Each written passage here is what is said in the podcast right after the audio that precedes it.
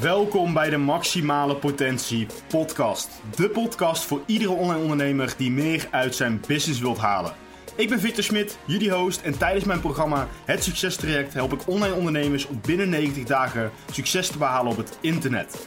De e-commerce wereld is nog nooit zo groot geweest en tijdens deze podcast bespreken we de belangrijkste eigenschappen van een e-commerce ondernemer en wordt er extreem veel waarde gedeeld op het gebied van dropshipping. Leuk dat je luistert naar weer een gloednieuwe aflevering van Maximale Potentie Podcast. 2023, de eerste podcast weer van 2023. Natuurlijk nog heel veel podcasts op de planning. Um, 2022 hebben we mooi afgesloten met de laatste podcast. Uh, hier hebben we het gehad over hoe 2022 voor jou is verlopen en voor mij is verlopen. Hoe je zelf nou goede vragen kunt stellen om te kijken wat je daadwerkelijk hebt uitgevoerd. En ook of je er op vooruit bent gegaan als persoon. Wat ik wel belangrijk vind, en ik denk de meeste mensen die ondernemer willen worden of ondernemer zijn die naar deze podcast luisteren, om jezelf ook altijd te blijven verbeteren. En dat is wat ik heel erg belangrijk vind. Dus dat we ook de laatste podcast daarover hebben gebabbeld met z'n allen. In ieder geval met z'n allen. Ik heb erover gebabbeld en jullie hebben mogen luisteren. um, deze podcast, uh, de eerste podcast van 2023 dus, gaan we het hebben over uh, producten. En een belangrijk onderwerp wat ik uh, me realiseerde dat ik dus nog nooit besproken had in mijn Maximale Potentie podcast series. En producten zijn natuurlijk super belangrijk voor je dropship business, voor je e-commerce business. Als je in de e-commerce zit, alles begint natuurlijk bij een product. En vandaag wil ik het gewoon hebben over wat nou een goed product is. En we gaan het vooral hebben over um, hoe je goede producten kunt vinden als dropshipper. Dus, producten.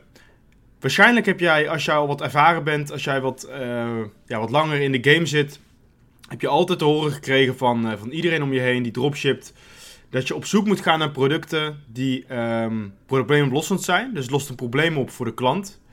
Um, een grote doelgroep hebben. Dus het moet eigenlijk voor heel veel mensen moet het toegankelijk zijn.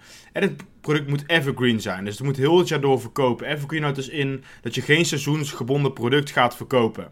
Hè, als je in de zomer um, waaiertjes gaat verkopen, of in de winter kacheltjes, dan ben je toch een seizoensgebonden product aan het verkopen. Want als het straks weer zomer wordt, dan, dan je sales eigenlijk heel erg. Dus vandaar dat, uh, dat we altijd evergreen producten verkopen. die drie factoren, die drie punten, daar zou je altijd aan moeten houden. In ieder geval, dat werd, werd je altijd verteld als het goed is. Maar niets is minder waar. Want je hebt eigenlijk een paar hele belangrijke dingen die je moet aanhouden als het gaat om producten. Allereerst, als jij uh, gaat dropshippen, dan is het natuurlijk zo dat jij geen eigen voorraad hebt. Je hebt natuurlijk jouw producten, die krijg je bijna niet te zien. En die worden rechtstreeks vanuit de leverancier naar de klant verstuurd. Dus het is key om te zorgen dat je allereerst kijkt wat je absoluut niet gaat verkopen. Want niets is zo erg dan uh, producten verkopen wat eigenlijk gewoon kant-en-klare rommel is. En waarvan je diep van binnen ook weet, dit zou ik eigenlijk nog niet eens zelf gaan gebruiken. Dus kijk goed wat voor producten en wat voor uh, uitstraling wil ik maken met mijn webshop en, en als dropshipper. En wat voor producten wil ik gaan verkopen. En als je bijvoorbeeld gaat kijken naar de typische dropshipper, die verkoopt niet altijd kleding. En dat komt ook omdat kleding natuurlijk de maten in China, waaruit voornamelijk, uh, je dropshipt voornamelijk vanuit China, de maten die, die kloppen vaak niet altijd. Dus je, je gaat kleding verkopen terwijl je niet helemaal zeker weet of de maten goed zijn, waardoor je dus heel veel returns krijgt en uiteindelijk al je winst gaat inleveren aan refunds van klanten, omdat de maat niet goed is, omdat de kwaliteit niet goed is. Dus kijk vooral om te beginnen uh, als je dus net begint, wat je absoluut niet wilt verkopen. En dat kan kleding zijn. Je kan natuurlijk ook eerst kleding testen, uh, naar je huis laten komen, kijken of het goed past en daarna gaan dropshippen. Dat zou ook kunnen. Maar kleding is niet het enige. Je hebt heel veel andere producten die je absoluut niet wilt gaan verkopen. Als je gaat kijken naar crèmetjes, beauties, of beauty, beautyproducten, uh, mascaraatjes, dat soort dingen. Dat zijn allemaal producten waarbij jij heel erg in de problemen kan komen als iemand um, dit gebruikt, een crème bijvoorbeeld, en daarmee uh, uitslag krijgt. Als jij niet een CE-gekeurd product verkoopt en diegene gaat, een, gaat, jou, uh, gaat jou aanklagen voor, het, uh, voor, de, voor, de, voor de schade die is aangericht met dat product aan hem of haar huid, ja, dan ga je natuurlijk heel veel problemen krijgen. En dat is gewoon iets wat je wilt vermijden. Dus vandaar dat ik ook altijd zeg aan het begin: ja, kijk eerst wat je absoluut niet wilt verkopen. En ga daarna kijken wat nou die goede punten zijn om producten te verkopen. Waar je aan moet voldoen om te zorgen dat de producten goed gaan verkopen. We weten nu wat we niet moeten doen als we producten gaan dropshippen. Kijk dus gewoon wat je absoluut niet wil doen. Nou, daarna is het natuurlijk key om te kijken wat werkt nou. Wat werkt nou in welk land? En als je nou helemaal nieuw bent, dan kan het heel, ja, heel erg, kan het een beetje overweldigend voor je zijn, want ik nu ga praten over verschillende soorten landen en daarin de verschillende soorten productcategorieën die goed werken. Als je al wat ervaren bent, zal het een hele waardevolle, uh, waardevol deel van de podcast voor je zijn, want hieruit haal je eigenlijk wat goed werkt in welk land. Nou, als je gaat dropshippen, dan kan je dat natuurlijk gewoon doen in Nederland en België. Je kan een webshop in het Nederlands maken. Je kan ook een Duitse webshop opzetten. Je kan ook een Zweedse webshop, opzetten, Zweedse webshop opzetten. Of je kan een Engelse webshop opzetten. Je hebt natuurlijk veel meer andere landen waar je kunt dropshippen. Maar dit zijn de landen die tot nu toe het beste werken. En als je gaat kijken per land, dan kun je ook heel goed nadenken wat je wilt gaan verkopen. In Nederland is dropshipping een stuk meer verzadigd dan uh, drie jaar geleden. En ik zeg niet dat het verzadigd is. Ik zeg dat het meer verzadigd is dan twee of drie jaar geleden. Dat betekent absoluut niet dat je hier geen geld meer in kunt verdienen. Want nog steeds in Nederland en België kun je ongelooflijk veel geld verdienen met dropshipping. Het is alleen zo dat heel veel producten, aangezien iedereen die ooit is begonnen met dropshipping, al zijn producten heeft getest, zo noemen we dat, hè, heeft een keer heeft verkocht proberen te verkopen in Nederland en België. Dus heel veel mensen kennen al die typische dropship producten onderhand al. En dat is iets waar je voor moet uitkijken als je in Nederland en België gaat zitten. Daarom, Nederland en België is een land waarbij heel veel kansen liggen nog steeds, alleen waar je heel uniek moet zijn met je productkeuze. Dus mocht je eens gaan beginnen en willen starten met dropship in Nederland en België, kijk dan heel goed, of onthoud in ieder geval, dat daar, um, dat daar een, een stukje meer verzadigd is dan in andere landen. Onthoud dat ook als je productkeuze, als je producten gaat uitkiezen. Yes, dus dat is even over Nederland en België. Nou, Duitsland. Duitsland is een enorm, enorm goede markt om in te dropshippen. En dat komt omdat Duitsland veel meer inwoners heeft dan Nederland natuurlijk. En in Duitsland is dropshippen nog relatief onbekend. Dus alle producten die je eventueel ooit in Nederland wou gaan verkopen, die kun je dus in Duitsland wel weer gaan verkopen, omdat die daar wat minder bekend zijn. Nou, wat voor, wat voor soort producten heb ik het dan over? Als ik kijk naar mezelf, dan heeft ehm, mijn producten die ik in Duitsland heb verkocht, dan was het voornamelijk huistuin en keukenniche. Dus alles wat rondom huis uh, goed te gebruiken is, wat een probleem oplost voor de mensen, dat is iets wat je wilt gaan verkopen. Dus um, om een voorbeeld te geven, ik had een uh, koplamp, dat is dan meer autogericht. Het is een beetje huistuin, keukenniche uh, koplamp, een, een, een, middeltje om koplampen schoon te maken. En het werkte heel erg goed. En ik had een mooie 1 plus 1 gratis aanbieding. En dat product verkocht enorm goed. Dus dat is een voorbeeld van een product wat je eventueel kan gaan verkopen in Duitsland. Kijk dus ook goed van oké, wat, um, wat werkte. Ga het dus testen. Ga verschillende soorten producten testen in de huistuin, huistuin en keukenniche. En ga ook kijken wat er werkt. En dat kun je eventueel weer gaan uitbreiden. Onthoud wel dat Duitsers best wel moeilijke mensen zijn. Ook als je kijkt naar de Duitse taal, er moet absoluut niets voorkomen in de productpagina of op je webshop in het Engels of in een andere taal dan Duits. Want Duitsers vertikken het namelijk om Engels te spreken of om überhaupt Engels te leren spreken. Dus onthoud dat Duitsers best wel koppig zijn en dat je het liefste altijd de Duitse taal, of de mensen in de Duitse taal wilt benaderen als je verkoopt in Duitsland. Wat eigenlijk ook best logisch is. Dan het volgende land eh, met de productkeuze.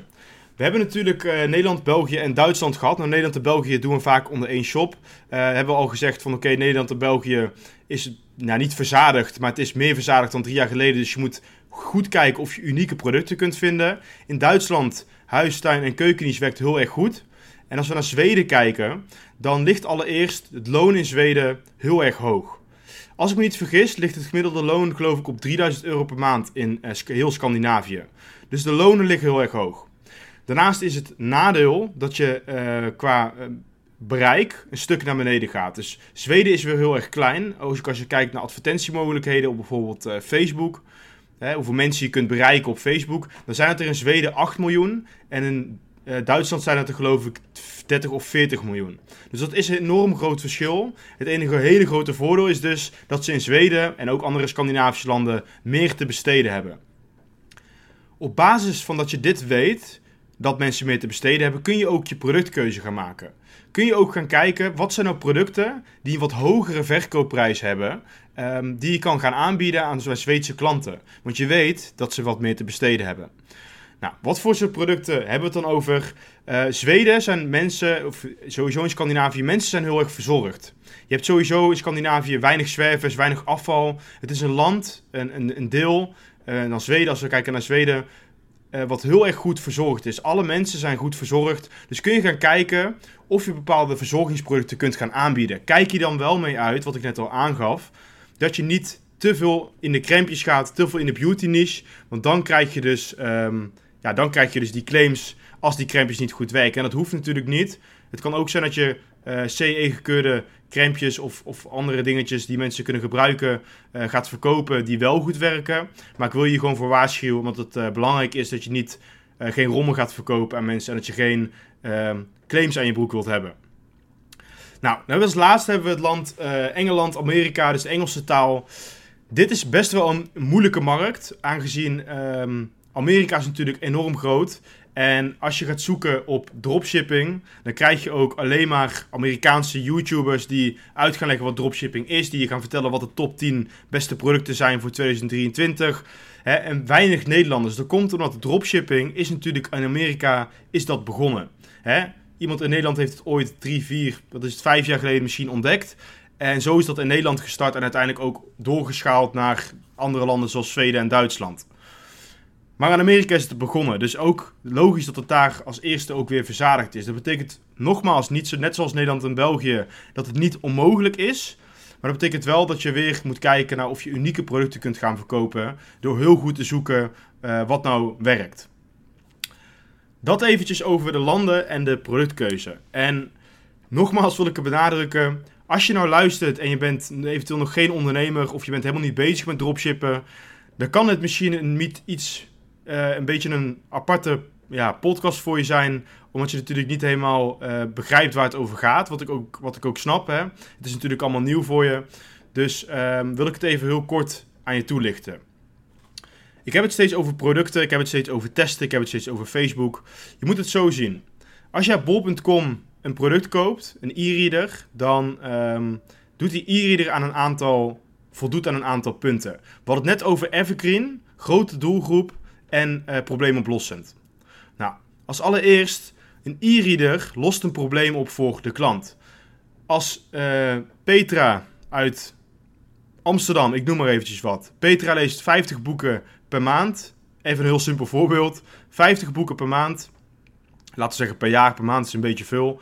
50 boeken per jaar en heeft alle boeken nog hardcopy liggen. E-reader bestaat nog niet. Als jij als idee hebt om een e-reader te maken waar Petra al haar boeken kan opslaan, dan heb je dus een probleemoplossend product. En dat bedoel ik met een product wat oprecht een probleem oplost voor de klant. dat is één.